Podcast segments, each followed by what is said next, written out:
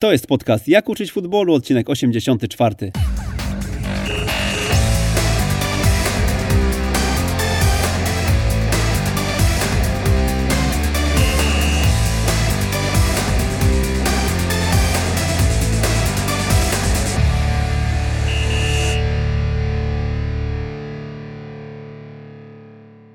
Jak uczyć futbolu, odcinek 84. Przy mikrofonie Przemysław Mamczak. Witam serdecznie. Zapowiadaliśmy Polaka z Arsenalu e, i jest Polak z Arsenalu. Nie Wojciech Szczęsny, nie Łukasz Fabiański, a Tomasz Pasieczny dziś z nami na linii. Dzień dobry Tomku. Cześć, dzień dobry. Tomek od prawie 6 lat y, w Arsenalu Londyn jest scoutem. Wcześniej pracował w West Bromwich. Y, myślę, że lepiej będzie, jak ty przedstawisz się naszym słuchaczom, chociaż y, wiemy, my się poznaliśmy na twoim szkoleniu, wiemy, że te szkolenia scoutingowe organizowałeś i pewnie część naszych słuchaczy dobrze cię kojarzy i dobrze zna. To może w dużym skrócie, tak czysto piłkarsko, czysto technicznie, e, w scoutingu, w jakichś różnych formach działalności w pionie sportowym klubu piłkarskiego jestem od kilkunastu lat. Zaczynałem jeszcze na studiach dla Legii w województwie śląskim, a później był West Bromwich Albion, byłem scoutem na Polskę. A jak wyjechałem na zagraniczne studia, to trochę dla West Bromu w Anglii, w Szwajcarii i we Włoszech też pomagałem. E, po powrocie byłem dyrektorem sportowym Krakowi, e, potem znowu West Brom, potem Arsenal. I tak naprawdę jest już 6 lat. E, Arsenal to 5 państw, więc taki duży obszar, głównie pod seniorów. Polska, Czechy, Słowacja, Rosja, Ukraina. E, to takie rzeczy czysto jakby, być może interesujące dla słuchaczy, już pomijając jakby jakieś inne rzeczy, które robiłem po drodze też w piłce. Tak, tutaj mnie trochę zaskoczyłeś, ale dwukrotnie był West Brom. Myślałem, myślałem że właśnie tak, Krakowia wcześniej. przerwą, tak, tak, tak. Mhm. No dobra, to powiedz, y, jak ty się w tym Arsenalu znalazłeś, bo to naprawdę daje mm, do myślenia i wpływa na wyobraźnię wszystkich, którzy marzą, którzy marzą o wielkich klubach, o wielkich karierach. Mm, w ogóle jak ty myślisz, że zrobiłeś wielką Może... karierę? Nie, no absolutnie nie. A, a zrobisz jeszcze? Taki jest plan, tak? Yy, taki jest zdecydowanie plan. Jakieś tam ruchy w tym kierunku są czynione, no zobaczymy. E, jak się znalazłem, ja może powiem tak szerzej, bo to rozumiem będzie bardziej interesowało słuchaczy. To jest trochę tak, że w tej chwili na niektóre stanowiska scoutingowe e, w niektórych klubach są już wprowadzone w miarę otwarte rekrutacje. Jest kilka firm y, na świecie, które te rekrutacje dla klubów prowadzą. To nie jest jeszcze tak popularne, ale na przykład Manchester United często prowadzi rekrutację w taki sposób. E, natomiast jakby w moim przypadku tak nie było. E, w moim przypadku zwyczajnie zostałem zaproszony na rozmowę. Przyjmuję, że gdzieś ktoś mnie tam polecił. E, mam jakieś tam podejrzenia, kto, to też nigdy nie jest jedna osoba. E, no i przeszedłem taki uproszczony proces rekrutacji, natomiast to też nie była jakaś formalna rekrutacja, to była jakaś powiedzmy rozmowa. I, i tak naprawdę tyle, tutaj większej filozofii nie było. Mm, to powiedz jeszcze, zahaczę o to, e, od czego zaczęliśmy. Czym dla ciebie jest wielka kariera? Ja tutaj chciałem tylko podkreślić, że jakby dla mnie, ja siebie widzę w klubie, to po pierwsze i się widzę, no jednak w pionie sportowym. Ja tam gdzieś po drodze miałem nawet jakieś e, wyższe propozycje zarządzania całym klubem. E, to oczywiście było interesujące, natomiast ja jakby dla mnie takim najciekawsze, co w piłce jest, to jest właśnie zarządzanie tą częścią sportową, tak, podejmowanie decyzji i tak dalej. I szczerze mówiąc, dokładnie tam, dokładnie, dokładnie tam siebie widzę. I, i no zobaczymy tutaj. Tutaj, przepraszam, bo tu dziecko mi wchodzi. E, I dokładnie, i dokładnie tak bym chciał, żeby to się stało. Natomiast spokojnie, jest jeszcze czas, jestem w fajnym miejscu. E, no i, i, tak naprawdę tutaj wolałbym w szczegóły nie wchodzić, natomiast no wielka kariera dla Polaka, powiedzmy w czymś takim, no to jednak bym zaryzykował, że długofalowo to jest zagraniczny klub z dużą decyzyjnością. E, nie mamy wielu takich przykładów, bo taka jest prawda, nie mamy wielu przykładów Polaków, którzy gdzieś tam dla dobrego zagranicznego klubu pracują i podejmują ważne decyzje sportowe. Natomiast no, gdzieś tam pewnie paru było i jest to coś, e, myślę, realnego. Mhm. Mm, wrócimy do tego wątku. Pozwól, że ja skupię się najpierw na tym e, scoutingu i tym e, głównym temacie dzisiejszego odcinka, ale to też e, okay. nie, nie, ukrywam, że jest interesujący kierunek i pewnie sobie porozmawiamy o tym też, co robisz w tym kierunku. Powiedz o swojej roli scouta, jak to wygląda. Wiem, że nie możesz o, o wszystkim mówić na pewno, jeżeli chodzi o Arsenal. Myślę, że będę starał się tak bardziej ogólnie, mhm. jakby nie koncentrując się tak w 100% na moim klubie, a jakby mojej wiedzy o środowisku, czy też o moich kolegach, więc to powiedzmy mhm. będzie taka bardziej ogólna wypowiedź, no ale zahaczająca o to, jak to tak naprawdę wygląda. No to dobra, na czym polega rola skauta? w dzisiejszym futbolu? Najważniejsze tak naprawdę u skauta jest to, co on robi na końcu, czyli to, jaką wydaje rekomendację. Rekomendacja oczywiście wynika z obserwacji. W największym skrócie, no wiadomo, scout jedzie na mecz, ogląda i pisze raport. W tej chwili już prawie we wszystkich klubach pisze się raporty. Kiedyś to było powiedzmy troszeczkę luźniejsze, czyli ktoś tam rzucał parę zdań podsumowania, na podstawie których się podejmowało powiedzmy dalsze kroki. E, w tej chwili to już praktycznie każdy klub y, wymaga jakiejś formy raportów, no bo to wiadomo, to jest jakiś papier, który później można zweryfikować. Natomiast trzeba pamiętać, że oczywiście na scoutów się mówi obserwatorzy i tak dalej, więc jakby u każdego w głowie jest to, że scout obserwuje. Natomiast najważniejszą rzeczą, którą scout robi, to tak naprawdę jest wyciąganie wniosków, przedstawianie rekomendacji. Czyli oczywiście fajnie jest, że scout danego zawodnika opisze, ale na koniec to pierwszej kolejności rolą skauta jest ocenić, czy ten dany piłkarz się nadaje, ma potencjał, yy, czy, czy po prostu jest za słaby. Tak? To tu oczywiście mówię w dużym uproszczeniu, natomiast to bym zaryzykował, znaczy nawet nie zaryzykował, bo to jest pewnik, to bym powiedział, że to jest absolutnie najważniejsza rzecz i znam ludzi, którzy jakby świetnie obserwują, potrafią te swoje obserwacje przeleć na papier, ale są bardzo, bardzo e, tacy ostrożni w ocenach i to też nie jest dobre, tak? Scout nie może się bać przedstawienia swoich wniosków, no bo jakby nie było, jest zatrudniany przez klub ze względu na swoją profesjonalną wiedzę, na swoją wiedzę i klub od niego wymaga przedstawienia y, na podstawie tej wiedzy, obserwacji i tak dalej, no tak naprawdę konkretnych wniosków, bo to te konkretne wnioski to jest pierwsza rzecz, które, która jest no, najważniejsza dla klubu. Mhm. To powiedz mi, jak, e, chyba najtrudniejsze pytanie, jak odróżnić dobrego skauta od złego skauta? Bo jak sobie myślę o, o skautach, to myślę sobie też o tym, że miliony e, kibiców na świecie no, są skautami we własnym domu przed telewizorem i e, ka, ka, każdy jakoś obserwuje tak, tą piłkę. Znaczy, ja bym w ogóle zaczął trochę od innej strony, e, ale to też zahaczyło kibiców, bo to jest troszeczkę tak, że bardzo, bardzo, bardzo wielu przypadkach to taka prawdziwa rola czy jakość skauta z zewnątrz jest skrajnie nieweryfikowalna. Skrajnie. Mhm. Bo wszyscy musimy pamiętać, że rolą skauta jest rekomendacja. I w sumie ta rola się tu kończy. Czasem scout, powiedzmy, w jakoś w procesie transferowym uczestniczy, pomaga, to zależy od klubu. Natomiast w czystej teorii rola skauta kończy się na przedstawieniu rekomendacji. Czy pozytywnej, czy negatywnej, to jest inna sprawa. No więc ten scout nie odpowiada za proces rekrutacji i decyzję, czy danego piłkarza pozyskać. On tylko rekomenduje. Więc no, znam wielu scoutów, bo tak się mówi, jakie transfery zrobiłeś, tak? Kogo poleciłeś. Y, to jest o tyle nieweryfikowalne, że scout przez swoją karierę może polecić stu piłkarzy, y, klub może żadnego nie podpisać, a to absolutnie nie znaczy, że ten scout nie miał racji, tak?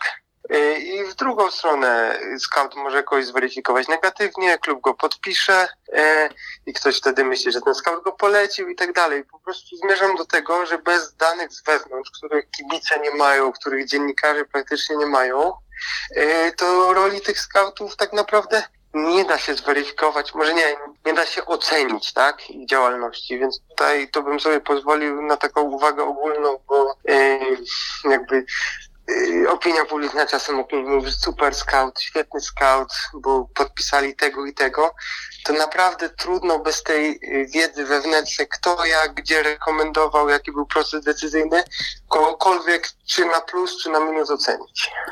No to tutaj, to, to tutaj mi się zapala taka lampka, a skąd w, e, zatem e, Arsenal, e, jak, jak, jak ciebie zweryfikował, bo mm, no, tych wewnętrznych informacji nie mają również inne kluby, no i jak one mogą wyłapywać tych najlepszych no, scoutów? Podejrzewam, że była to jakaś prosta weryfikacja znajomości rynku, no i jakby fakt, że tam parę lat pracowałem dla innego klubu Premier League, myślę, że gdzieś tam wystarczył. Podejrzewam, że wykonali jakieś dwa, trzy telefony do moich byłych pracodawców. I mówiąc uczciwie, myślę, że tyle. E, natomiast nie mam tej wiedzy, więc się domyślam. Mhm. Tak to nazwijmy. Powiedz Tomek, jak wygląda dzień skauta na najwyższym poziomie? Tydzień, może tydzień, bo dzień to będzie trochę e, nie, nieuczciwe. Bym powiedział, że to, to nie ma dużej różnicy na jakim poziomie. E, bym bardziej powiedział, że różnice są na jakim terenie pracujesz. A prawda jest taka, że największe różnice polegają na tym, czy masz mały czy duży teren, tak? Jeżeli masz duży teren tak jak ja, to duża część tego tygodnia, dnia, miesiąca schodzi ci na podróże dodatkowo. Jeżeli masz mały teren, no to wiadomo, tego, tych podróży tylu nie ma. No i wiesz, i są skauci pracujący dla topowych klubów, strzelam, angielskich, którzy na przykład pracują tylko w Londynie, czy tam na północy Anglii, no to wiadomo, że oni na podróżach spędzają mniej czasu niż ja, pracują dla klubu tak samo z najwyższej półki, więc tutaj bym raczej podzielił na obszar, na którym pracujesz, ewentualnie czy to są juniorzy, czy seniorzy. E, no nie ma takiego typowego dnia, no są, są dni, wiadomo, są dni, kiedy cały dzień spędzisz na podróży, nawet nie na meczu, a na podróży, no bo jak lecisz gdzieś daleko i nie ma dobrych połączeń, no to czasem strac potrafisz stracić na e, dolot i powrót ze dwa dni. A są dni, gdzie masz turniej i potrafisz zrobić cztery mecze jednego dnia. Są dni teoretycznie wolne, gdzie powiedzmy szukasz inspiracji, zerkasz jeszcze na jakichś piłkarzy, przeglądasz terminarze. A są dni, no, kiedy musisz po prostu siąść do tego komputera i napisać raporty. E, to są ciężkie dni, bo, bo tych raportów może być więcej, zależy od systemu, którego klub używa, od tego jak często musisz pisać. Ja zazwyczaj siadam w niedzielę wieczorem i powiedzmy w poniedziałek rano idę spać, bo te wstępne raporty muszą być gotowe do poniedziałku. Po, powiedz y, w takim razie i z tymi raportami, czy twoja taktyka jest taka, że właśnie zostawiasz to na ten ostatni dzień y, tygodnia i, i, i wtedy je, je to, rozpisujesz? To zależy od klubu, bo niektóre wymagają od razu, niektóre wymagają raz na miesiąc, inne raz na tydzień. Tu nie ma reguł. No ale, ale, ja ale zmierzam do czegoś się, innego. Ja osobiście mhm. staram się w miarę regularnie, mówiąc uczciwie, wychodzi mi to pół na pół, tak? Zazwyczaj mi nie wychodzi tak, jakbym chciał, więc zazwyczaj siłą rzeczy większość, no, zostaje mi na tą niedzielę, mówiąc uczciwie. A czasem na przykład w niedzielę jeszcze wracam z meczu daleko, więc zdarzało mi się, nie wiem, dotrzeć do domu druga, trzecia w nocy i jeszcze pisać. To oczywiście moja wina, to też nie oszukujmy się, że to jest taka straszna praca, bo człowiek musi po nocach siedzieć. No jakbym regularnie to zrobił, to by było. Natomiast no w praktyce często tak bywa, że, że jednak w niedzielę w nocy siedzę i walczę. Mhm, ale to nie łatwiej byłoby od razu po meczu na świeżo, bo tak sobie myślę o tym... Łatwiej byłoby, ale wiesz, no wyobraź sobie, że jesteś na meczu, nie wiem, w Pradze, w Bratysławie i jesteś autem, no to zaraz po meczu chcę dojechać jak najszybciej do rodziny. E, mam dwójkę dzieci, więc też tam staram się czasem żonie pomóc. Więc ten mecz nawet jak się skończy o 20, no to wsiadam w auto, powiedzmy pierwsza, druga w nocy jestem, to już też nie mam siły pisać Następnego dnia wstanę, trochę dzieci, tu jakaś robota i gdzieś mi to tam wypada i po prostu budzę się w niedzielę i trzeba pisać. Liczyłeś ile kilometrów e, przejeżdżasz miesięcznie? No, kiedyś liczyłem, ale to gdzieś tam podałem, potem ludzie zaczęli to liczyć, już nie podaję.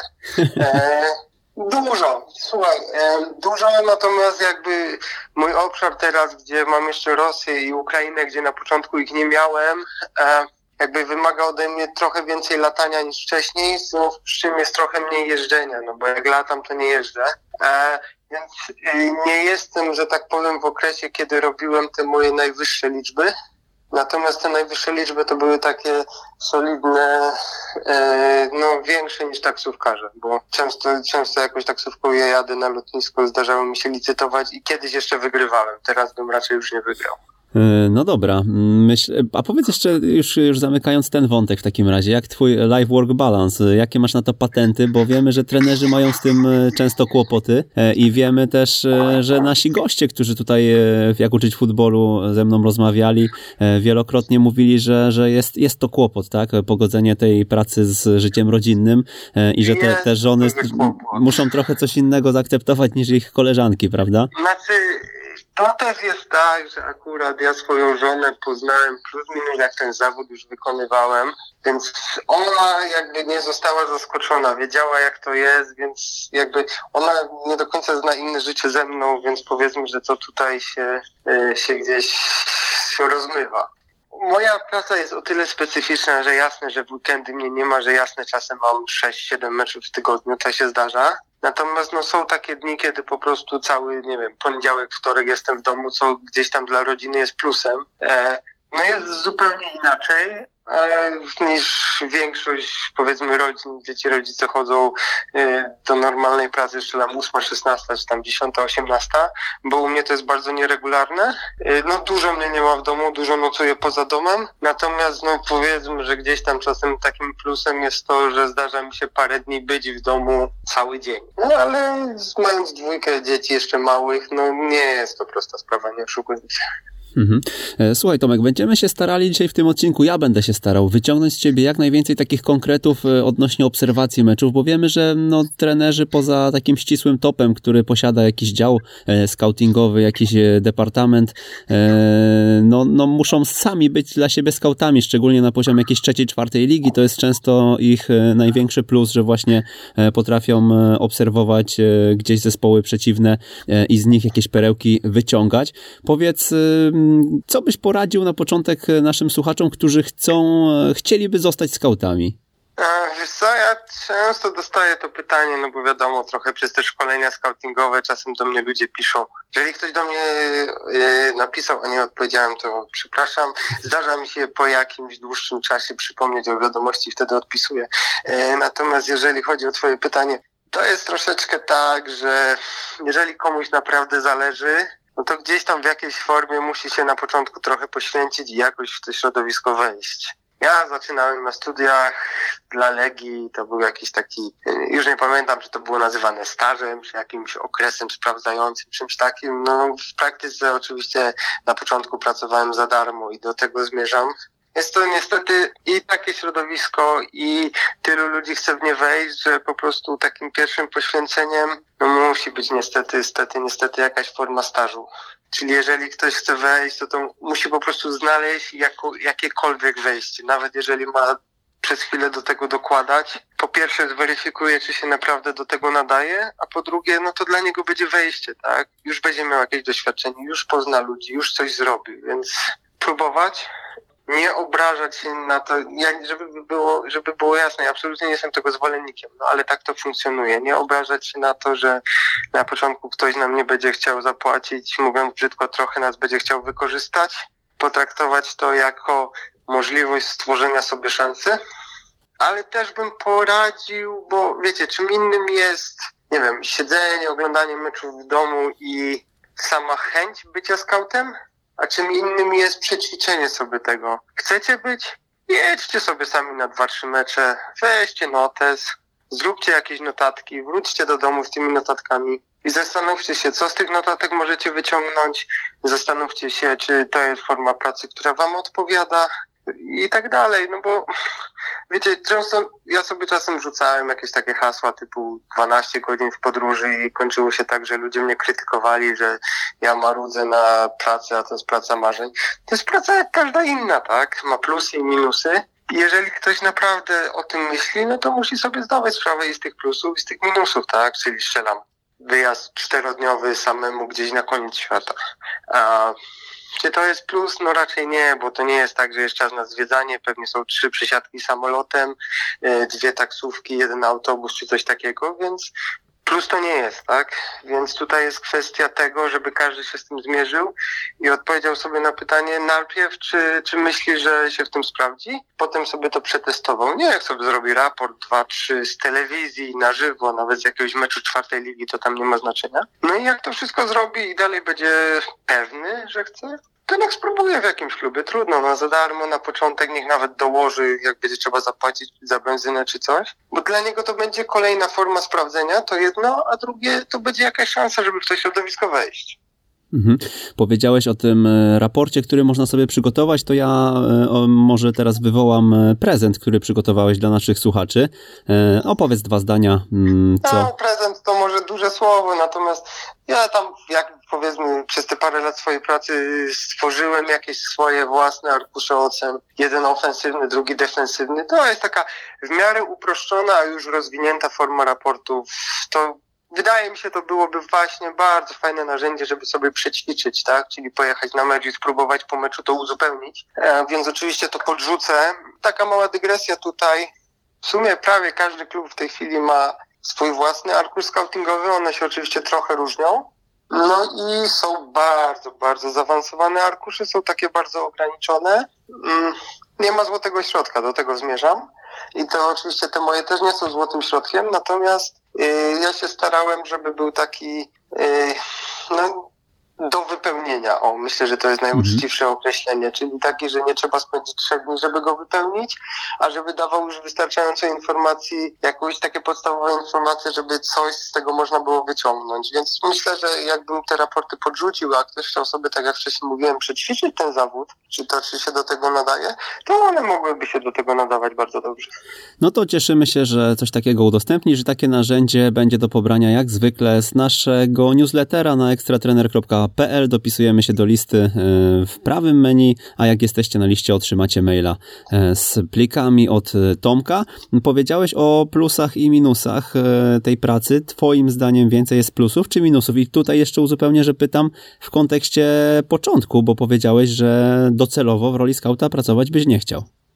Wiesz co, nie wiem czego jest więcej, powiem Ci szczerze, bo ja też jakby cała ta nasza rozmowa, ja bym chciał, żeby ona była w takiej bardziej formule no, ogólnej, tak? Czyli mówię bardziej ogólnie niż tylko, tylko konkretnie o sobie. I to, czy tam jest więcej plusów i minusów, wiadomo, że to zależy od tego, dla kogo pracujesz, na jakim terenie, ile masz do powiedzenia wewnątrz klubu. Tu jest powiedzmy bardzo wiele zmiennych jeszcze, zwyczajnie zależnych od klubu, struktury organizacyjnej i tak dalej. E, natomiast e, Oczywiście przez te lata poznałem bardzo wielu skautów i to zazwyczaj są ludzie, którzy na tyle są zadowoleni z tego zawodu, że jakby oni w nim są i oni chcą w nim być. I to nie jest tak, że ja, ja w nim nie chcę być. I ja jestem, no, no, jestem zadowolony, jestem szczęśliwy ze swojej pracy. Trudno, żebym powiedział, że nie.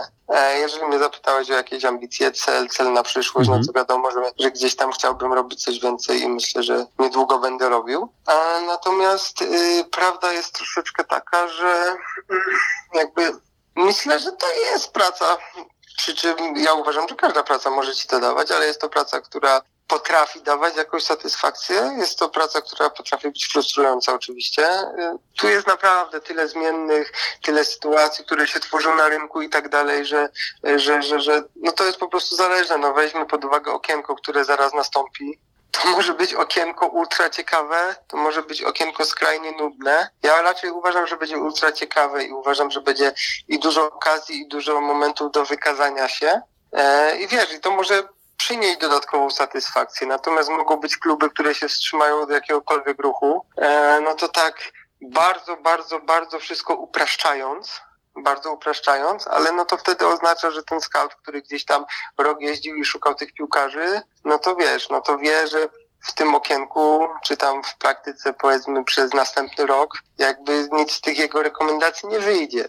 E, mhm. Więc dla niektórych to może być frustrujące. No po prostu tutaj jest bardzo wiele zmiennych, natomiast y, to może być bardzo ciekawa praca, szczególnie jak masz duży teren, bo dochodzi zwiedzanie, poznawanie świata, kultur, ludzi, e, powiększasz swoją siatkę kontaktów, więc tutaj jak najbardziej to wszystko, e, to wszystko cię rozwija i, i, i, to jest fajna sprawa, mm, oczywiście.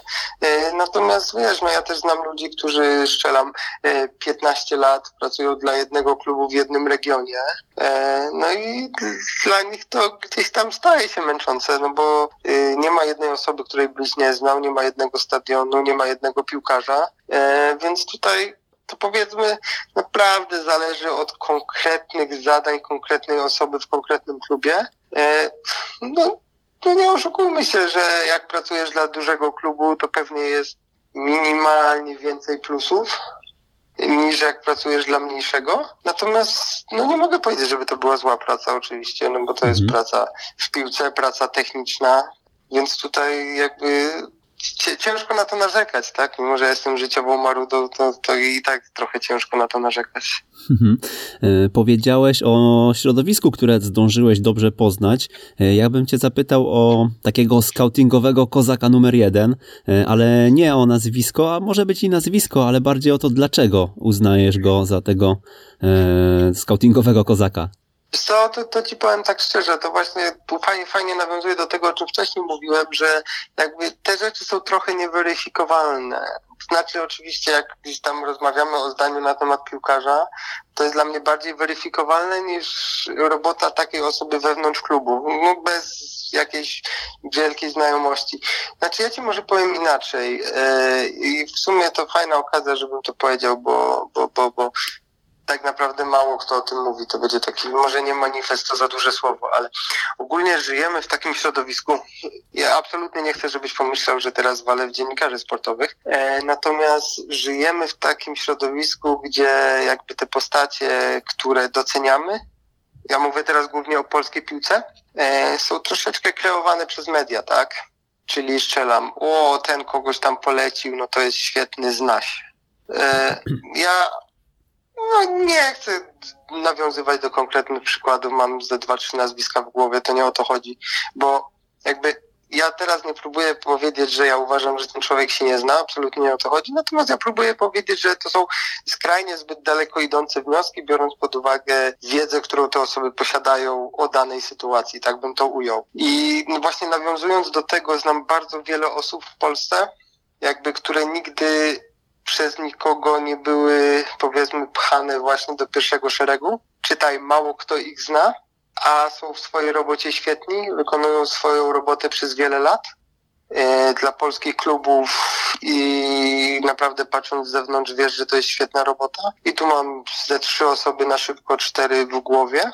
I o nich nie poczytasz na jakichś Twitterach, tam na Facebookach, nie poczytasz, że jest jakimś genialnym scoutem, dyrektorem sportowym i tak dalej, bo po prostu w sumie nie wiem czemu tak naprawdę, natomiast o nich nie poczytasz, poczytasz o ludziach, którzy moim zdaniem tyle dobrego nie robią, natomiast to jest dalej moje prywatne zdanie. Natomiast jeżeli mnie pytasz o paru kozaków, to bym powiedział, że trzech, czterech ci wymienię, a są to tacy, że jakbym wymienił nazwiska, e, to mało co zwykłemu kibicowi by niestety powiedziały. I to, to jest coś, co mnie trochę boli, patrząc na to z zewnątrz, no bo ja jednak powiedzmy pracuję dla zagranicznego klubu, więc powiedzmy, że patrzę na to z zewnątrz.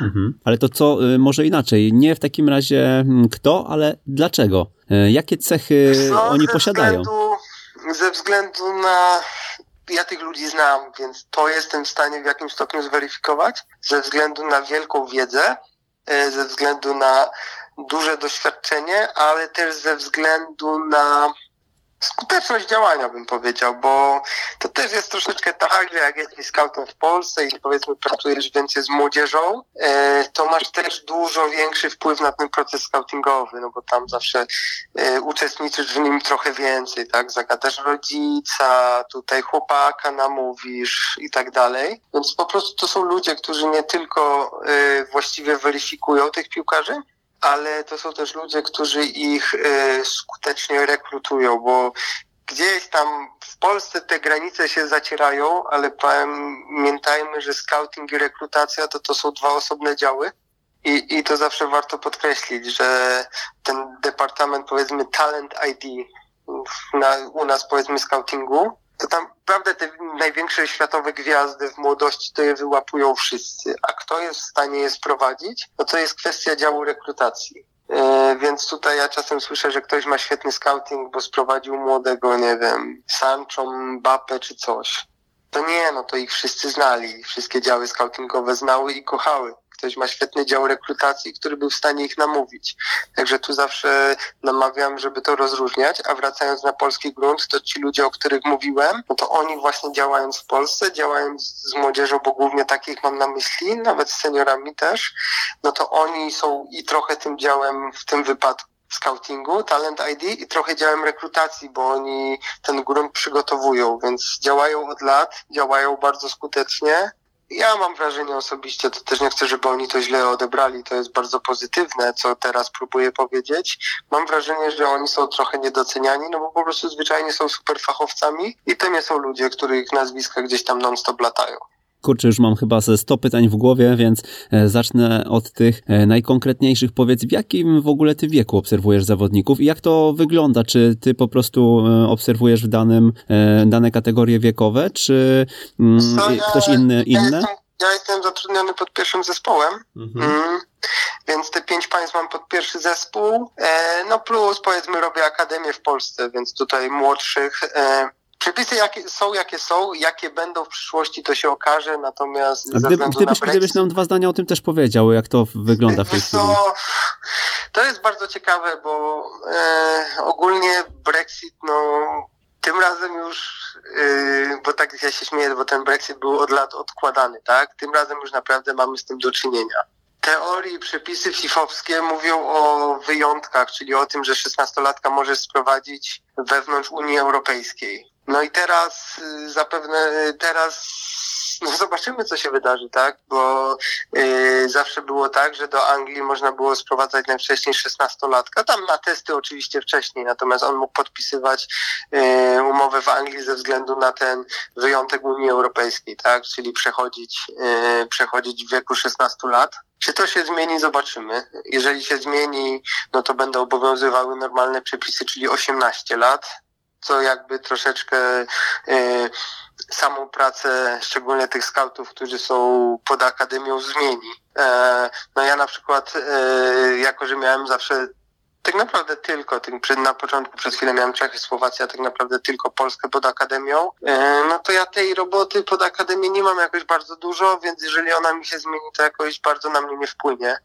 Jak zawodników w jakich wieku? No jeżeli oglądam pod pierwszy zespół, no to tutaj, no, że tak powiem, każdy, kto się nada, kto ma potencjał. Jeżeli bardzo młody, no to musi mieć super potencjał. Jeżeli trochę starszy, to musi być już na odpowiednim poziomie ułożony. Tutaj jakiejś ram nie ma i też nie chciał w nie wchodzić. Natomiast jest to głównie robota, że tak powiem, seniorska. Mhm. No ale dobra, ale to mówisz, mówisz o tych ramach, e, że, że jak ktoś ma potencjał, to może być bardzo młody, czyli rozumiem, że dziesięciolatek może ci wpaść w oko w akademii, czy ty, ty nie, nie zagłębiasz znaczy? Jeżeli pod akademię, co, no to, to, to jest bardzo ciekawy problem, bo na przykład, to tam nieważne jaki klub, ale powiedzmy jeden angielski klub testuje takiego testuje, no zaprasza co jakiś czas rosyjskiego napastnika, on teraz ma chyba 14 czy 15 lat go chyba już od dwóch lat zaprasza. Czyli powiedzmy zaczął go zapraszać jak miał 12-13 lat. Rosjanin w Anglii może wylądować dopiero jak będzie miał 18 lat.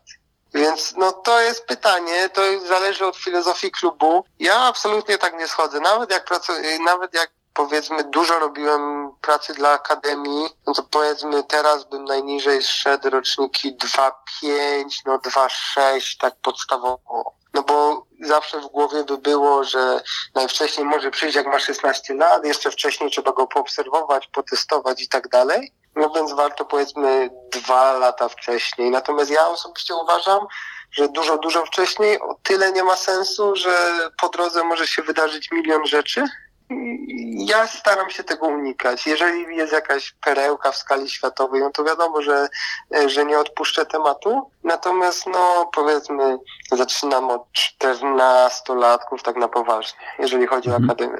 No dobrze, ale ty jesteś też pod pierwszym zespołem, a powiedz, czy mm, te kluby, mm, twoja znajomość rynku, y, czy, czy te kluby na najwyższym poziomie e, mają też działy właśnie w akademiach, które się zajmują takim scoutingiem e, tych, tych rzeczonych dziesięciolatków? Tak, ale tu bardziej mówimy o, że tak powiem, lokalnych rynkach. No? Mhm. W sensie, że y, dany klub w swoim kraju jak najbardziej. No, w, ze względu na przepisy fifowskie, powiedzmy szerzej, raczej nie. Chyba, że jakiś ultratalent się zdarzy, ale to wtedy jak się ultratalent zdarzy, to nie na zasadzie, że nawet jakaś nasza szeroka siatka go wyłapała, tylko po prostu o tym ultratalencie wiedzą wszyscy, więc jedziemy zobaczyć. Natomiast wewnątrz danego kraju jak najbardziej. To jest trochę kwestia mm, struktury klubu, tego ile ma jakich juniorskich zespołów, czy tam ma jakieś soccer schools i tak dalej. E, natomiast co do zasady zdarza się, że tam niektóre działy się zaczynają od 7-8 lat żeby, żeby być fair, ja w ogóle na tych kategoriach wiekowych się nie znam i podejrzewam, że jakby mhm. mnie wysłać na taki mecz, to nie byłbym w stanie w ogóle e, właściwie tego ocenić. W sensie, że ja po prostu nie miałbym e, od, punktu odniesienia, tak, do innych 7-8 latków, czyli mhm. że dany piłkarz powiedzmy na boisku wygląda super, ale nie umiałbym go porównać do topowych w kraju czy na świecie, więc to też jest jakaś specjalizacja i to nie jest tak, że każdy po prostu jedzie i od razu i od razu jest w stanie to zrobić. U nas w wielu akademiach zastanawiają się dyrektorzy, koordynator, koordynatorzy, jak e, rozegrać to mm, pod kątem struktury i powiedz, e, no patrząc na to twoje zainteresowanie zarządzaniem klubem, e, jakbyś ty podszedł do tego tematu, czy, czy wolałbyś, żeby w twojej akademii, powiedzmy ekstraklasowego klubu szkolić już zawodników od U4, U6, takich bardzo, bardzo mm, młodych z miasta miasta e, i okolic, e, czy dopiero zaczynać tak naprawdę od U11, U12, tak jak to większość klubów hiszpańskich robi? E, no bo wiem, że są dwie ścieżki. Wiesz co, ja bym zaczął od rozróżnienia, bo też pamiętajmy, że jakby pomijając wszystkie te programy, które kluby odpalają i nawet jak się nazywają, to pamiętajmy, żeby troszeczkę odróżnić poziom pro i komercję, tak? Czyli wiele klubów ma jakieś takie szkółki nawet w niższym wieku e, i to powiedzmy są bardziej szkółki, bardziej programy komercyjne. No, to oczywiście nie jest nic złego i oczywiście z programu komercyjnego można przejść do programu profesjonalnego, to zależy od struktury. Wiesz co, ja tak jak jeżdżę, słucham, też rozmawiam z ludźmi, e, czy ja ogólnie uważam, że jeżeli szkolić w ramach klubu, to szkolisz pro. Ja oczywiście mhm. rozumiem i w pełni akceptuję argumenty, że większość tych chłopaków, większości tych chłopaków się nie uda, no bo to, to, to są potwierdzone fakty, tu nie masz czym dyskutować. I rolą klubu jest też przygotowanie tych chłopaków do życia, jak najbardziej. Natomiast dla mnie rolą klubu jest też wychowanie zawodników profesjonalnych na profesjonalnych poziomie. Więc ja uważam, że klub powinien się nastawić na wychowanie ich na e, profesjonalnym poziomie, czyli zrobić jak najwięcej się da, żeby jak najwięcej piłkarzy miało określony poziom. I teraz, e, ja uważam, że całkiem, całkiem fajnym pomysłem, bo to jest też pomysł, który gdzieś tam może się spinać finansowo, jest prowadzenie tych szkółek dla młodszych chłopaków w takiej pół czy w komercyjnej formie, to się różnie nazywa soccer schools czy tak dalej. I wiesz, prowadzisz sobie to dla młodszych, oni mają zabawę z tego, gdzieś tam masz na to jakiś wpływ, więc widzisz, jesteś w stanie wyłapać perełki, a jakby profesjonalne, naprawdę profesjonalne zespoły w klubie, trochę później, też bym nie przesadzał, że za późno, to też trochę zależy od wielkości zespołu, wiesz, bo są zespoły, które po prostu e, problem mają taki, że już w wieku 11-12 lat, jeżeli chcą naprawdę rywalizować, no to już, to głupio brzmi, to brzmi absurdalnie, ale to już powiedzmy parę tych perełek mogą potracić, no bo są też różne województwa, w których jest więcej dobrych klubów, mniej, niektórzy prawie są monopolistami na swoim rynku, niektórzy nie, więc to też zależy od tego tak naprawdę, gdzie dany klub leży. Natomiast ja ogólnie lubię formułę, gdzie na początku jest to w formie troszeczkę komercyjnej, czyli zaczynasz wcześniej, ale to jest taka zabawa, potem się przekształca w poziom profesjonalny, no i też możesz tych zawodników przeprowadzić z jednego do drugiego. No to tak to wygląda między innymi w Benfice Lizbona, chociaż y, trzeba też przyznać, że te najlepsze y, drużyny są w jakiś sposób y, selekcjonowane, też nawet u tych najmłodszych, ale wracamy do scoutingu. Powiedz Tomek, mm, jak się kształcić na, na skauta? Jakie, nie wiem, publikacje czytać, strony internetowe, książki? Co byś polecił? Jak ja zaczynałem, z tego co pamiętam, nie było absolutnie nic, no bo to nie jest praca tak powiem, którą zaczynasz po konkretnych studiach, tak, kierunkowych. Więc jak ja zaczynałem, to nie było praktycznie nic, stąd gdzieś tam później mój pomysł na szkolenia. E, w tej chwili są książki o scoutingu, e, natomiast nie ma za dużo, to są książki tak bardziej opisujące pracę, szczerze mówiąc. Nie ma za dużo książek, które uczą jak być scoutem. Yy, masz szereg szkoleń, nawet na polskim rynku w tej chwili 4, 5, może 6. Masz możesz, może, możesz wymieniać nazwy i szkoleń i książek. Yy, to może w ogóle zacznijmy od podstaw, tak? Za darmo, fajne rzeczy do zrobienia na początek. Jak ktoś mówi po angielsku, yy, to angielska federacja ma za darmo taki kurs online, to się nazywa Talent ID. I to tam pierwsza część właśnie online jest za darmo. To są takie podstawy, ale to warto zrobić. A na polskim rynku nie, wymienię, nie chcę wymieniać o tyle, że pewnie jednego czy dwóch nie wymienię, a wszystkich tych ludzi znam, więc ktoś będzie miał do mnie pretensje, ale na polskim rynku w tej chwili ja wiem, z pięć, sześć różnych szkoleń jest scoutingowych. One mają różne ceny, różne formuły, w różnych miejscach się odbywają, więc to tam sobie każdy może wybrać coś, co mu najbardziej pasuje to nie jest tak, że ja na wszystkich byłem, więc jestem w stanie to jakoś ocenić. E, w sumie w Polsce na żadnych nie byłem, tylko na swoich.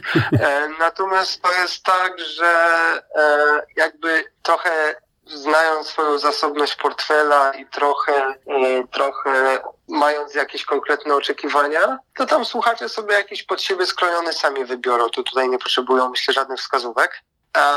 W tej chwili pojawia się trochę już materiałów online. E, jest już lepiej. Duży, jest bardzo dużo materiałów online, które zahaczają o tą nową powstałą gałąź scoutingu, czyli e, oparty, opartego na statystykach.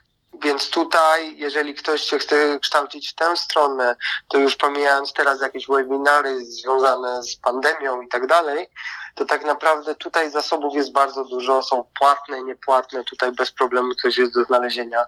E, zresztą trochę, trochę, trochę firm powstało, które zajmują się powiedzmy takim scoutingiem statystycznym. Zresztą z kolegami też jedną firmę założyłem, więc tutaj y, to jest coś, w co ja wierzę osobiście. Jeżeli chodzi, jeżeli chodzi o książki, to wiem, że są książki takie bardziej techniczne, natomiast z tego, co kojarzę, to y, część z nich w ogóle nie była przetłumaczona na polski, a nawet na angielski. Na pewno jest włoska książka chyba dyrektora Genui, ale to jest do sprawdzenia. W każdym razie jest podobno merytoryczna o scoutingu, całkiem niedawno napisana, chyba tylko po włosku. E, no nie ma tego jakoś bardzo dużo, natomiast e, ja bardziej tak naprawdę uważam, że żeby się kształcić, to po prostu zwyczajnie potrzeba praktyki. I to jest praktyka, którą na wstępnym poziomie można zrobić samemu. Czyli jedziemy na mecz, robimy notatki, piszemy raport i potem czytamy ten raport pod kątem czy na jego podstawie można podjąć jakąś decyzję, czy prowadzi do jakichś wniosków tak dalej. E, no i, i tak w sumie tyle. Książek jest dużo, natomiast to są książki nie stricte o scoutingu. Jest więcej książek o rekrutacji, o przepisach piłkarskich, o analizie danych. O samym scoutingu ja z taką merytoryczną książką od początku do końca się nie spotkałem są bardziej fajne książki, bo to, to, to nie jest tak, że to nie są fajne książki, ale są to bardziej książki zwyczajnie opisujące pracę skauta, tak? Czyli podróże, jakieś anegdoty. Też warto przeczytać. The Nowhere Man, powiedzmy, to jest taka standardowa pozycja. E, natomiast tu bym się nie spodziewał, że jakby z tej książki bardzo, bardzo, bardzo dużo się można nauczyć, bo to raczej się dowiedzieć o pracy. Mhm. Dobrze, mm, powiedz jeszcze, za, myślę, że podlinkujemy część z tych rzeczy, o których powiedziałeś, chociaż też e, nie wszystkie z tytułów e, wymieniłeś, jeszcze, jeszcze porozmawiamy sobie później, to może mi się uda jakieś linki zdobyć, a powiedz, e, jak zo, zauważyć w sobie taką żyłkę do bycia scoutem, jak, mm, jakimi cechami właśnie osoba, która chciałaby zostać scoutem powinna się charakteryzować?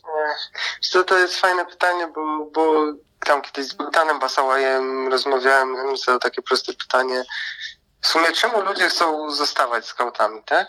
I jakby pierwsza, pierwsza myśl moja była taka, że w praktyce ludzie, którzy interesują się piłką z założenia chcą pracować w piłce. E, z bardzo wielu względów, oczywiście nie każdy może być piłkarzem i nie każdy może być trenerem, bo to jest bardzo długa droga, e, nie da się od razu, prawie dla nikogo nie da się od razu zacząć na wysokim poziomie.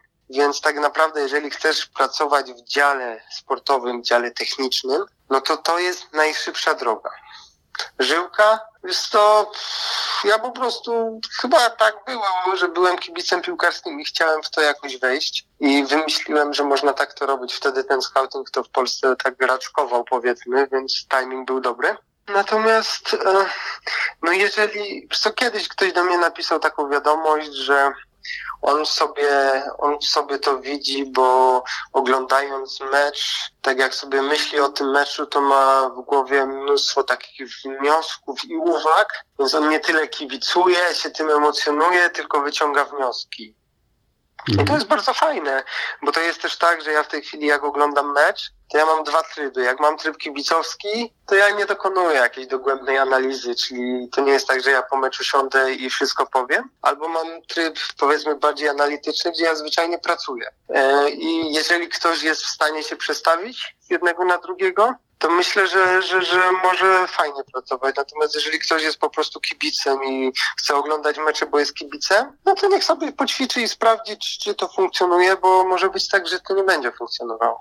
A ten tryb analityczny, powiedz mi, ile jesteś w stanie wytrzymać meczów tygodniowo, ile oglądasz i jesteś w stanie tak faktycznie e, no, skoncentrować się, bo to jest chyba to najtrudniejsze. Zależy, bo na przykład znaczy nie, że mam problem, natomiast nie będę ukrywał, że dużo trudniej mi się ogląda, no mówimy na wideo, wiadomo, że to jest na komputerze, tak?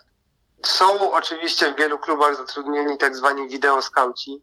To są ludzie, którzy powiedzmy przychodzą do klubu i oglądają 4-5 meczów i wychodzą, czy tam jakichś skrótów i tak dalej. I myślę, że to jest coś, w czym mi by było bardzo trudno się odnaleźć, bo ja jednak muszę sobie urozmaicić wyjazdem, obserwacją na żywo. Teraz jak jestem dwa miesiące w domu zamknięty, i oglądam te mecze właśnie w takiej formie na komputerze, tam na Y-Scoucie, Insta-Scoucie i tak dalej, e, no to no jestem bliski szału, tak? E, nie mogę, nie będę ukrywał, że, że tu mam różne stany przechodziłem, bo jest to trochę frustrujące. Ja po sobie widzę, że dla mnie zdecydowanie fajniejsza jest ta obserwacja na żywo i jednak coś mi innego daje. Więc jak obserwuję na żywo, szczerze mówiąc, w fajnym miejscu, jest jeszcze jakiś turniej, to zdarzało mi się zrobić kilkanaście meczów w tygodniu. To oczywiście jest absolutny rekord, no bo się fizycznie nie da więcej. Ja na Mistrzostwach Świata robiłem jeden mecz dziennie, tak, przez prawie całe mistrzostwa. To to przyznam szczerze, że na koniec oczywiście, że brakuje tego paliwa i człowiek już pada.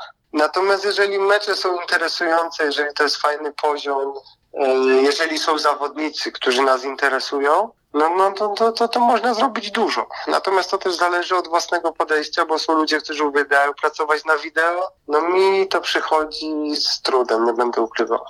Aby nie sugerować się opiniami innych osób, e, oglądam mecze w telewizji bez głosu. Takie notatki Oczywiście. gdzieś odgrzebałem, odgrzebałem notatki tak. ze szkolenia, to chyba było ze 4 lata temu już. Tak, bo ja to zawsze podkreślam pięć razy i krzyczę czasem nawet, bo uważam, że jest to jedna z kluczowych rzeczy. Mm, to jest bardzo proste i to najprostszy przykład na świecie. Teraz prawie każdy ma Twittera i to jest uważam absolutnie genialne. E, bo ja zawsze się śmieję, zawsze mówię, że oglądam tam mecz w tle i, i Kazimierz Węgrzyn krzyczy, ale wspaniałe zagranie. To nie chodzi o to, że ja uważam, że to zagranie nie jest wspaniałe, tylko to chodzi o to, że jak ja to słyszę, to od razu ja już podświadomie o tym myślę. Z, najprostsze ćwiczenie jest takie, jedna połówka meczu e, z komentarzem, z Twitterem, druga bez komentarza i bez Twittera. I wam gwarantuję, że wasze wnioski będą wtedy inne. Tak? Że one nie będą szły tym głównym nurtem, to nie chodzi o to, że główny nurt jest zły. Natomiast y, to trochę jest tak, że komentator też troszeczkę inne rzeczy ocenia. A zresztą najlepszym przykładem jest to, że jak sobie zobaczycie skróty bramek z całego sezonu, to przy co drugiej pada słowo niesamowite. Okej, okay, to na potrzeby komentarza jest właściwe, to ożywia tych widzów, to ja absolutnie tego nie neguję. Natomiast na potrzeby jakiejś profesjonalnej, merytorycznej oceny, no już nie. Więc lepiej wyciszyć, bo dla naszego pracodawcy liczą się nasze wnioski, a nie cude. Tak samo jak na przykład złapałem się na tym parę razy, że rozmawiałem po meczu o jakimś zawodniku. Jeżeli opinia osoby koło mnie była skrajnie odmienna, nie jest tak, że ja zmieniałem moją opinię, natomiast ja ją zawsze w jakimś stopniu łagodziłem. Ja sobie dodawałem taką poduszkę bezpieczeństwa, bo ktoś powiedział coś przeciwnie innego. A to jest oczywiście błąd, bo ode mnie się oczekuje mojej oceny, nazwijmy to profesjonalnej, bo ktoś mnie ze względu na moją wiedzę zatrudnił, więc tego kogoś nie interesuje, co ktoś inny myśli, co myśli komentator, co myśli scout siedzący obok, czy co myśli kibic na Twitterze. Więc to tutaj warto pamiętać i warto sobie takie ćwiczenie zrobić. Myślę, że, że, że duża część ludzi będzie zszokowana wynikami.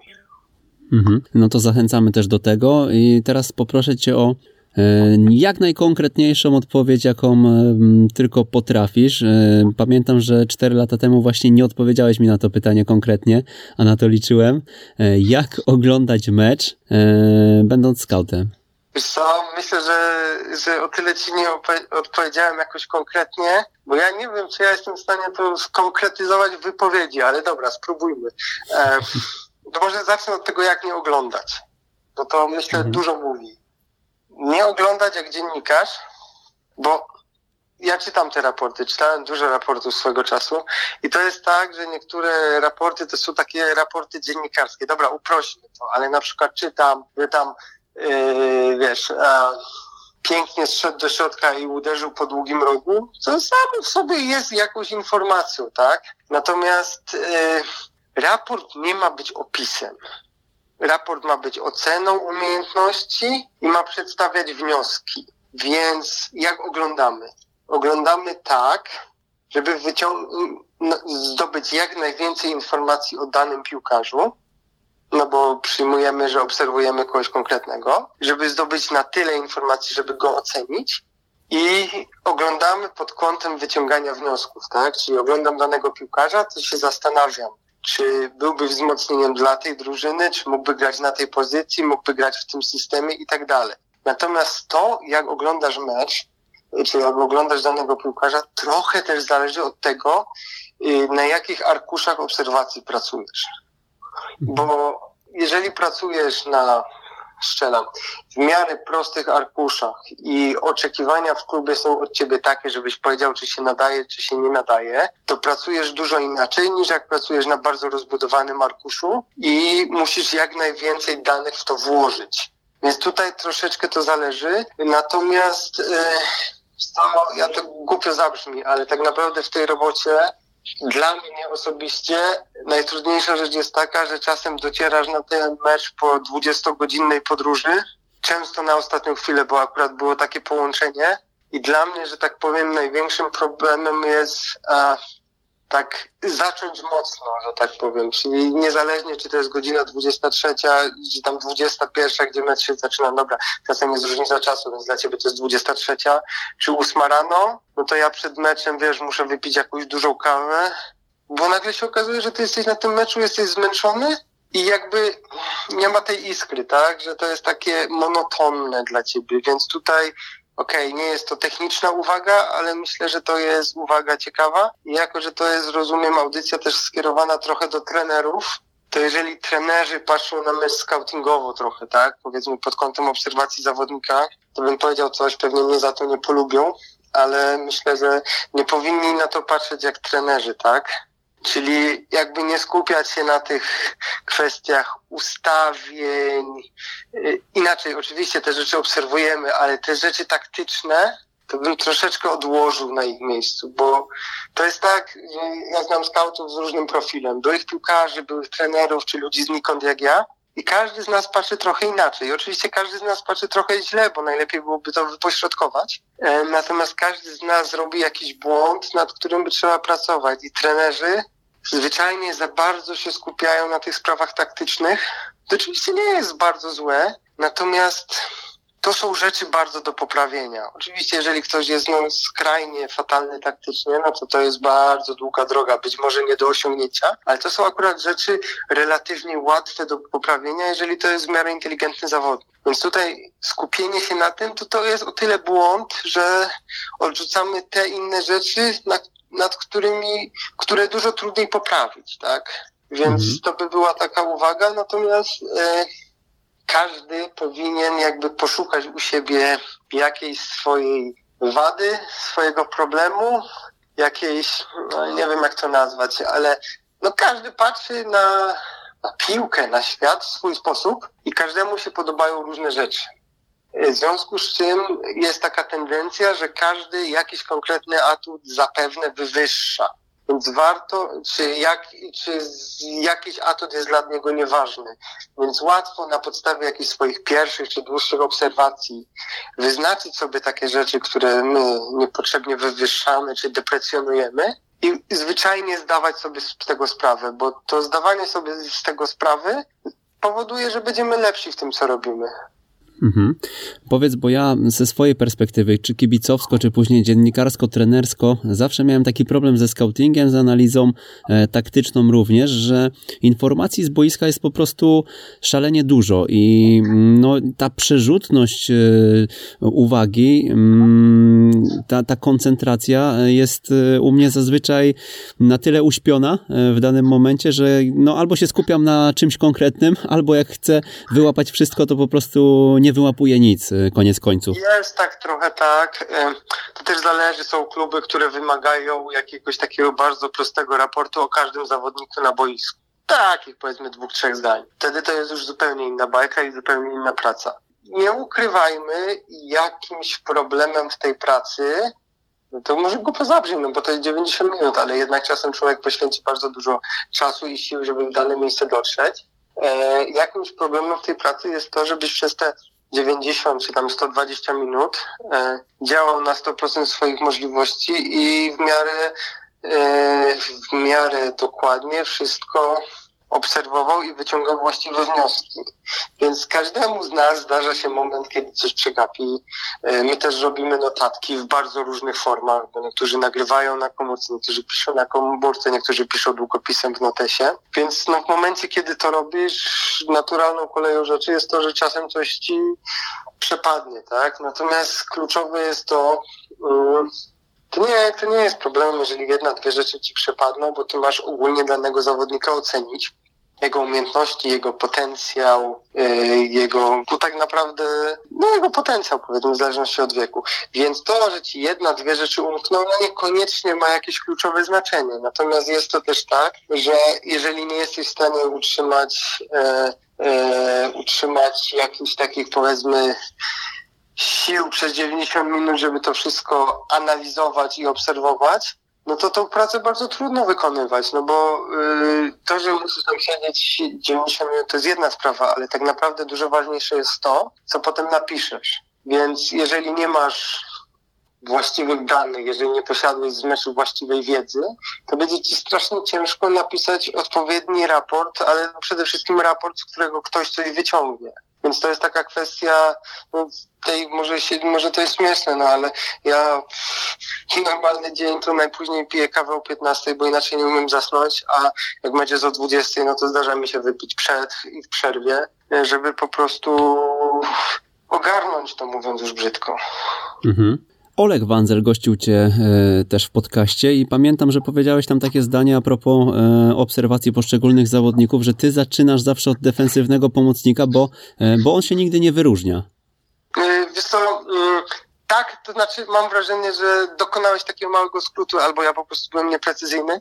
Tak, zaczynam od defensywnego pomocnika i nie do końca dlatego, że się nie wyróżnia, tylko ja po prostu po jakichś moich pierwszych iluś tam kilkudziesięciu raportach sobie siadłem i popatrzyłem na pozycje zawodników, które gdzieś tam polecałem, czy mi się podobali. I zauważyłem, że było bardzo mało, już nie pamiętam szczegółów, defensywnych pomocników, więc a, jakby ten mój wniosek nawet nie wynikał z tego, że oni się nie wyróżniali, tylko wynikał z tego, że w moich oczach oni się nie wyróżniali, żeby tu być precyzyjnym. Być może dla innych się wyróżniali. Więc po prostu nawiązując do moich tam poprzednich wypowiedzi, fajnie, że, że o tym wspomniałeś, no to to jest idealne podsumowanie, tak? Bo gdzieś tam oceniłem, że to jest mój błąd, coś, czego nie doceniam, pozycja, której nie doceniam, być może na którą po prostu nie zwracam należycie szybko uwagi. Więc teraz, żeby nie popełnić tego błędu, staram się to weryfikować szybciej na początku. Mhm. A powiedz, jest jakieś takie zdanie, które mm, pamiętasz i które zmieniło Twój sposób obserwacji meczów albo Twoją e, e pracę codzienną? to jest bardziej ogólne zdanie, które kiedyś jakiś, któryś mój były szef wypowiedział. Yy, pewnie wolałby, żebym nie wspominał jego nazwiska, bo on tam nie lubi się pchać. E, pchać gdziekolwiek publicznie, natomiast zdanie jest bardzo proste e, i oczywiście dotyczy piłkarzy i w skrócie sprowadza się do tego, że zawsze coś z nimi jest nie tak. I to jest koniec zdania. E, natomiast no, jakby wgłębiając się w to, po prostu chodzi o to, że nawet każdy zawodnik, nawet topowy, absolutnie najlepszy, ma jakąś małą, średnią albo bardzo dużą wadę. I obojętne na jakim poziomie pracujemy, to nie może być tak, że ta wada zawodnika przekreśla. E, wiesz co, ja troszeczkę się z tym, e, z tym zderzyłem w Krakowie mam wrażenie, że gdzieś tam, to, to brzmi absurdalnie, ale to, to tak trochę jest, że gdzieś tam e, szukaliśmy zbyt dobrych zawodników. To może nie oznacza zawodników poza zasięgiem, ale oznacza zawodników skrajnie trudniejszych do pozyskania. E, no i, i po prostu powiedzmy sobie tak, no nie przekreślajmy zawodników za to, że mają jakąś dużą wadę, bo nawet najwięksi te wady mają, skupiajmy się na tym, co oni mogą wnieść dzięki swoim zaletom. Czyli to, że ktoś jest ograniczony w danym aspekcie, to nie oznacza, że nie może być topowy.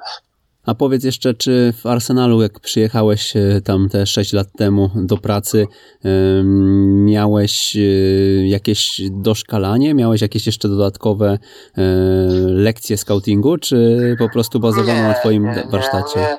No tam Później tam zdarzały nam się jakieś spotkania scoutingowe, jak w każdym dużym klubie. Natomiast co do zasady, to większość klubów tak naprawdę wychodzi z założenia, że przynajmniej na tym poziomie, no, że zatrudniają wybranych profesjonalistów, więc tutaj nie ma potrzeby. E, znaczy ja jestem w ogóle zwolennikiem, szczególnie jak masz taki scoutingu podstaw, trochę oparty na wolontariacie, to ja zawsze wszystkim mówię, że jestem wielkim zwolennikiem tego, e, żeby szczególnie tym scoutom, którzy powiedzmy pracują na wolontariacie, czy nawet dokładają do tego, to jestem wielkim zwolennikiem tego, żeby właśnie klub coś im od siebie dał czy jakieś szkolenia, spotkanie z dyrektorem sportowym, spotkanie z, z trenerem, bo to zawsze jest wielka wartość dodana. Więc myślę, że na tym poziomie to powinno bardzo regularnie występować i też w formie jakichś szkoleń.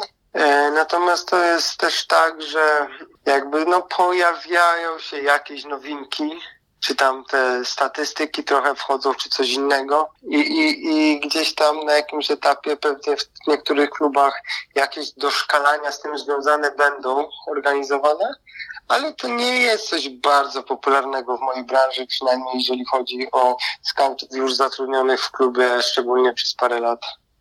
No dobra, podsumowując ten scouting, bo zbliżamy się do końca naszej rozmowy, e, ja Cię zapytam, e, wśród naszych słuchaczy myślę, że jest sporo e, dobrych kandydatów do tego, żeby scoutami w przyszłości zostać i teraz, gdybym ja przyszedł do Ciebie i powiedział, Tomek, chcę być scoutem, chcę pracować w Polsce w klubie ekstraklasowym, natomiast no nieistotne jest dla mnie to, gdzie będę pracował. Może być to Szczecin, może być to Kraków, Białystok, dowolnie po prostu prostu powiedz mi, gdzie ja się najszybciej rozwinę jako e, scout i gdzie w ogóle jakaś, jakaś struktura istnieje, żebym ja Wiesz faktycznie co, poszedł ja do przodu. to znaczy o tyle bym nie chciał jakoś sypać też wszystkimi nazwami, bo znowu wyjdzie, że kogoś pominę i będzie problem. E, no w paru klubach mniej lub bardziej zaawansowane struktury są na szybko w ekstraklasie o takich strukturach, które mogę powiedzieć, że mają ręce i nogi i na pewno jakoś funkcjonują nie tak doraźnie. To na pewno 6 czy 7 widzę.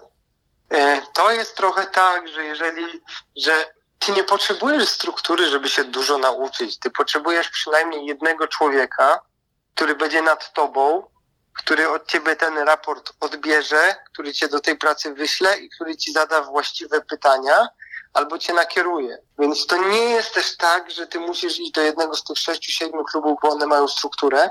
Wystarczy, że pójdziesz gdzieś, gdzie ktoś chce z tobą współpracować.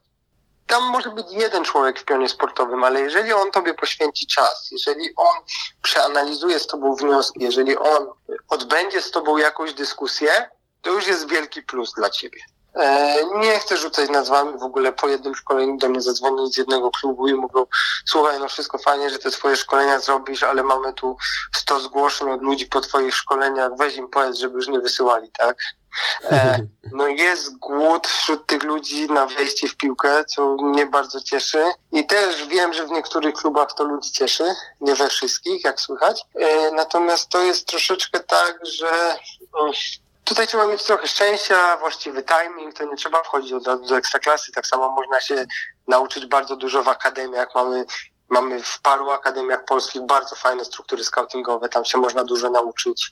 E, w klubach niższych, niższych klas rozgrywkowych też można się dużo nauczyć. To bym się tu nie ograniczał do ekstraklasy. E, natomiast no to od razu będziecie wiedzieli, czy ten ktoś, komu jakieś raporty piszecie nawet za darmo, je czyta, czy chce z wami o nich rozmawiać, czy po prostu je wysyłać i one gdzieś znikają. Jeżeli będą znikały przez pół roku, no to się nie nauczycie. Jeżeli będzie jakiś dialog, e, jakaś forma edukacji, no to super, ale tu, tutaj trochę zależy od osoby, trochę zależy od miejsca, ale tak naprawdę pamiętajcie, że dla tych klubów ma duże znaczenie kto, gdzie wy mieszkacie i na jakim terenie możecie pracować i pomyślcie o tym jako o kluczu do szukania tego klubu, który mógłby być wami zainteresowany.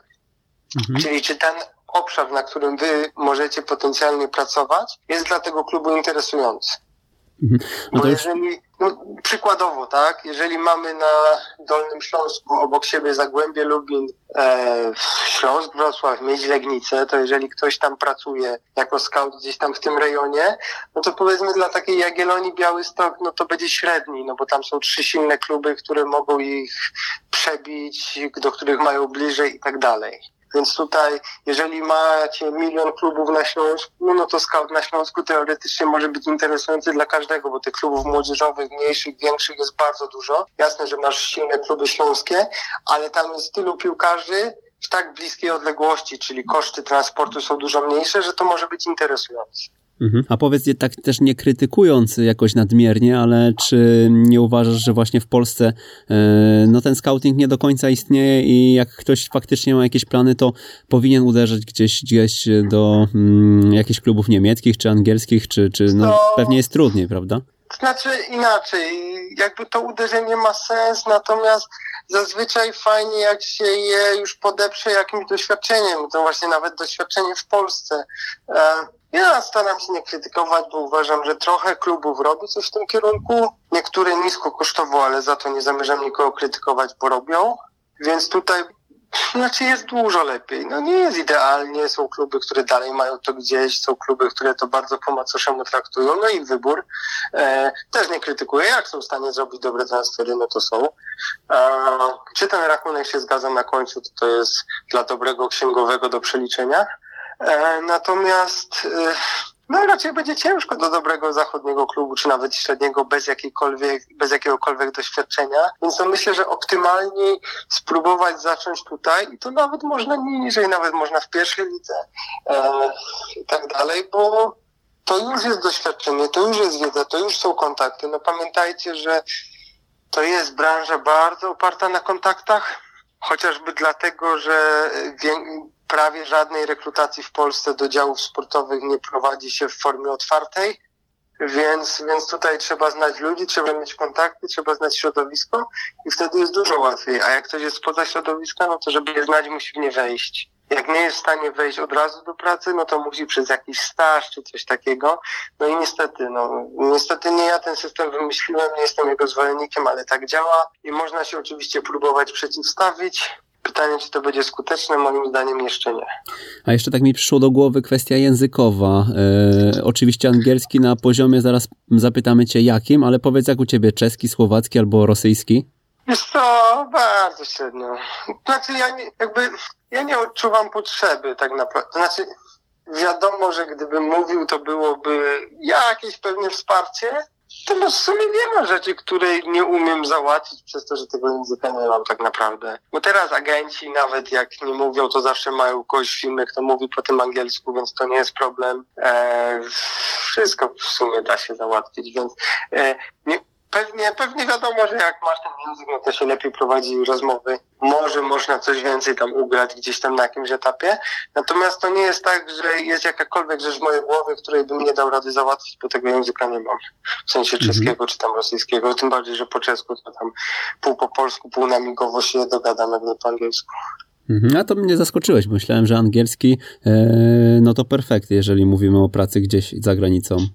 A nie, no to jest to perfekt. Y, nie, ja akurat się odnosiłem do tych, akurat w mojej wypowiedzi do czeskiego, słowackiego, rosyjskiego Aha. się odnosiłem, ten angielski tak pominąłem. Wiesz to, e, no wiadomo, że jak chcesz pracować dla zagranicznego klubu, to w jakimś języku musisz pisać te raporty. To jest troszeczkę tak, że ci ludzie, których znam, którzy pracują w tym scoutingu, e, no to ten język mają bardzo piłkarski albo trochę mniej piłkarski i nie wszyscy mają ten angielski perfekt, oczywiście, przecież ja też nie mam. E, natomiast y, bardzo, bardzo często ten angielski, który nie jest perfekt, jest bardzo wystarczający do pisania raportów e, i, i, i jakby do tej pracy. Wiadomo, że pisząc też się rozwijasz i też podnosisz swój poziom. E, natomiast to nie jest tak, że musi być super, wiesz, ale musi być bardzo dobry oczywiście i to też zależy trochę od pracodawcy. No ale w jakimś języku musisz się z nim dogadać, tak. E, no dobra, to wróćmy do początku naszej rozmowy jeszcze. Hmm, powiedz, bo mignęło mi, że ty ukończyłeś FIFA Master, prawda? Tak. E, no właśnie, jak, e, jak, w jakiej roli byś się widział? I, I kontynuując to, co powiedziałeś na początku, kiedyś pamiętam taki projekt, tylko w zasadzie nie wiem, co się z nim później stało, ale Think Tank, tak? Mieliście, tak. Ty byłeś jego inicjatorem? Jak to, jak to było? Tak, tak, tak.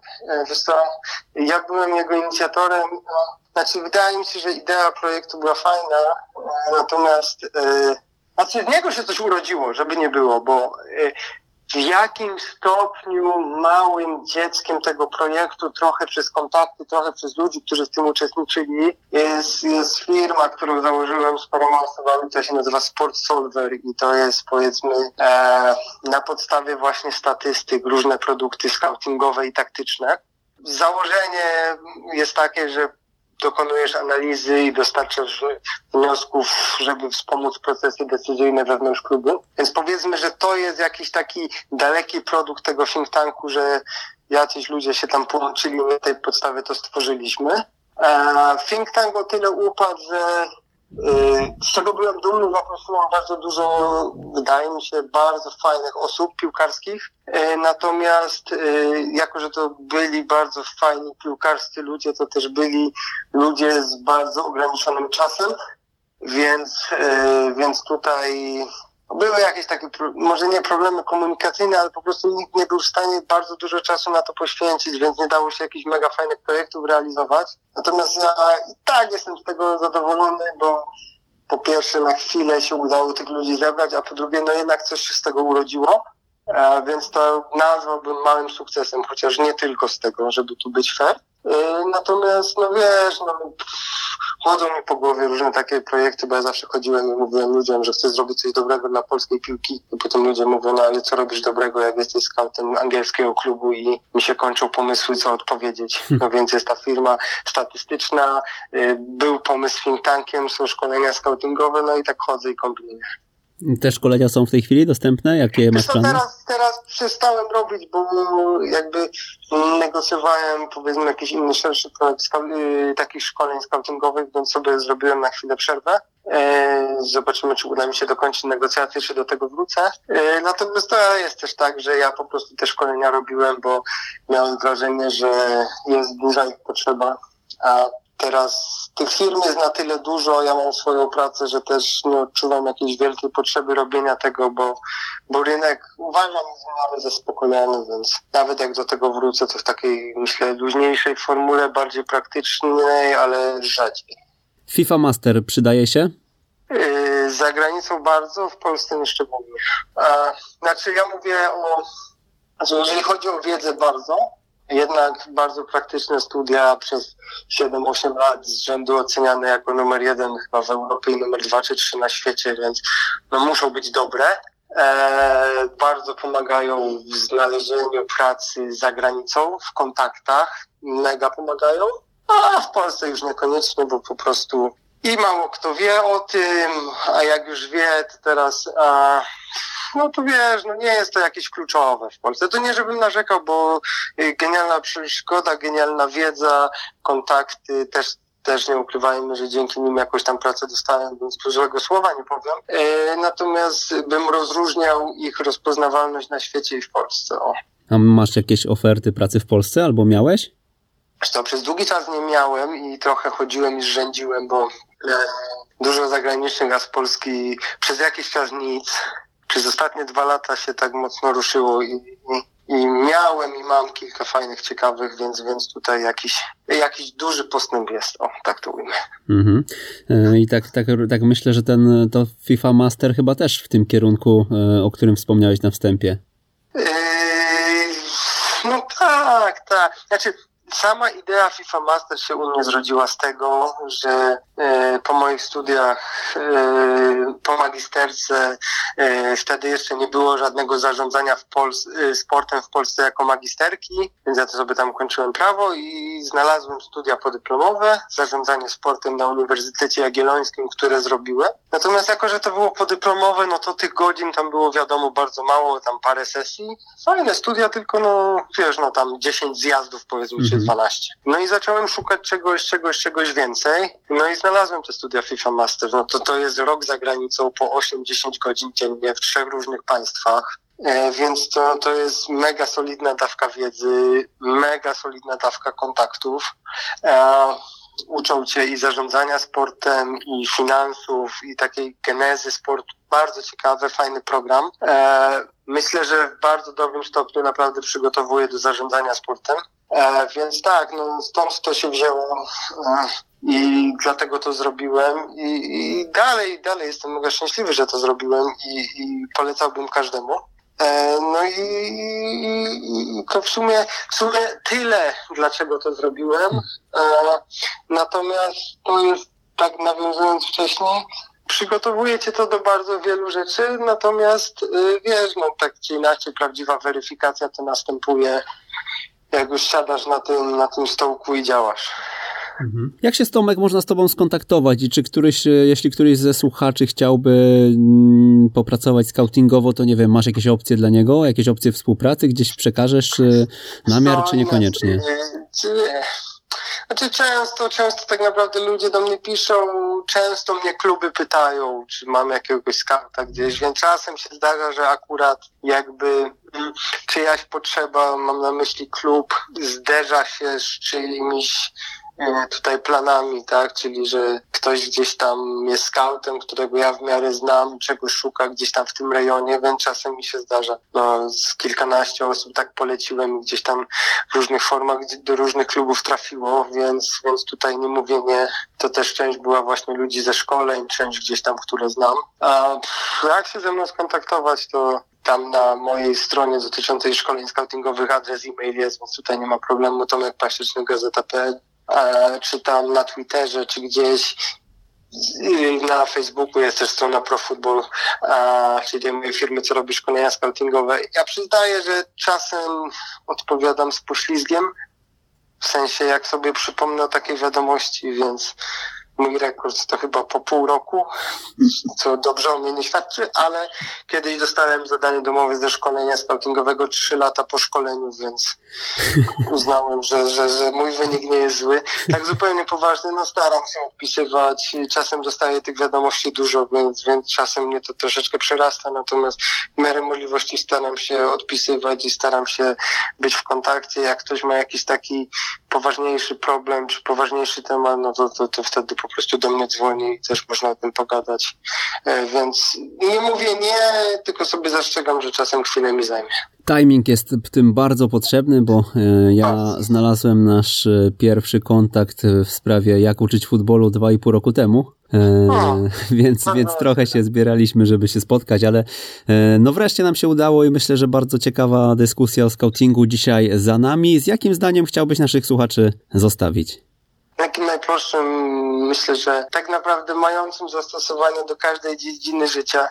Po prostu próbować, tak? I nie zrażać się tym, bo to będzie tak, że jeżeli chcecie w to wejść, a nie macie żadnego doświadczenia, czy nie macie, e, czy też nie graliście w piłkę na jakimś poziomie, nie znacie ludzi, to to będzie tak, że pewnie parę razy się odbijecie, ale jeżeli naprawdę uważacie, że to jest dla was, to spróbujcie, pomęczcie się trochę za darmo, pokażcie na co was stać, też sprawdźcie siebie, bo może być tak, że ktoś wam powie, no kurde, super to robicie, a wy stwierdzicie, że to jednak nie jest robota dla was, bo to naprawdę czym innym jest oglądanie tego meczu w telewizji, a czym innym jest e, sześć wycieczek w tygodniu na jakiś mecz i potem raportowanie. To po prostu trzeba sprawdzić, no jak z każdym innym zawodem, czy, czy ta formuła pasuje, czy, czy to ma sens, czy daje wam radość przede wszystkim. E, no jak wam daje radość, to i będziecie na tym etapie, że będziecie te raporty pisali, to to jest dla mnie kluczowe i to zawsze wszystkim powtarzam. Wtedy pamiętajcie, w każdym raporcie najważniejszy jest wniosek i nie możecie się bać własnych wniosków. Jeżeli wszyscy polecają danego piłkarza według was, nie jest wystarczająco dobry, to nie bójcie się tego. Po to jesteście w tym klubie, po to ktoś was zatrudnił, po to wam ktoś yy, zaufał, żeby wysłuchać waszego zdania, a nie zdania ogółu. Więc jeżeli macie jakieś zdanie, to po prostu kluczowe dla Was jest, żeby tego y, zdania nie łagodzić, żeby go nie zmieniać pod wpływem innym, tylko żeby je przedstawić. I ja się pod tym podpisuję. Próbujcie, a na sam początek e, polecamy arkusze od Tomka, które dzisiaj e, w prezencie możecie pobrać e, jak zwykle na ekstratrener.pl zapisując się do naszego newslettera. To był 70, 84 już, oj, 70 to już był jeszcze przed pandemią. 84 odcinek Jak uczyć futbolu. Był z nami Tomek Pasieczny. Dziękujemy Tomek. Dzięki serdecznie. Scout Arsenalu. E, dzisiaj audycja typowo o scoutingu. E, ja się nazywam Przemysław Mamczak i do usłyszenia za tydzień.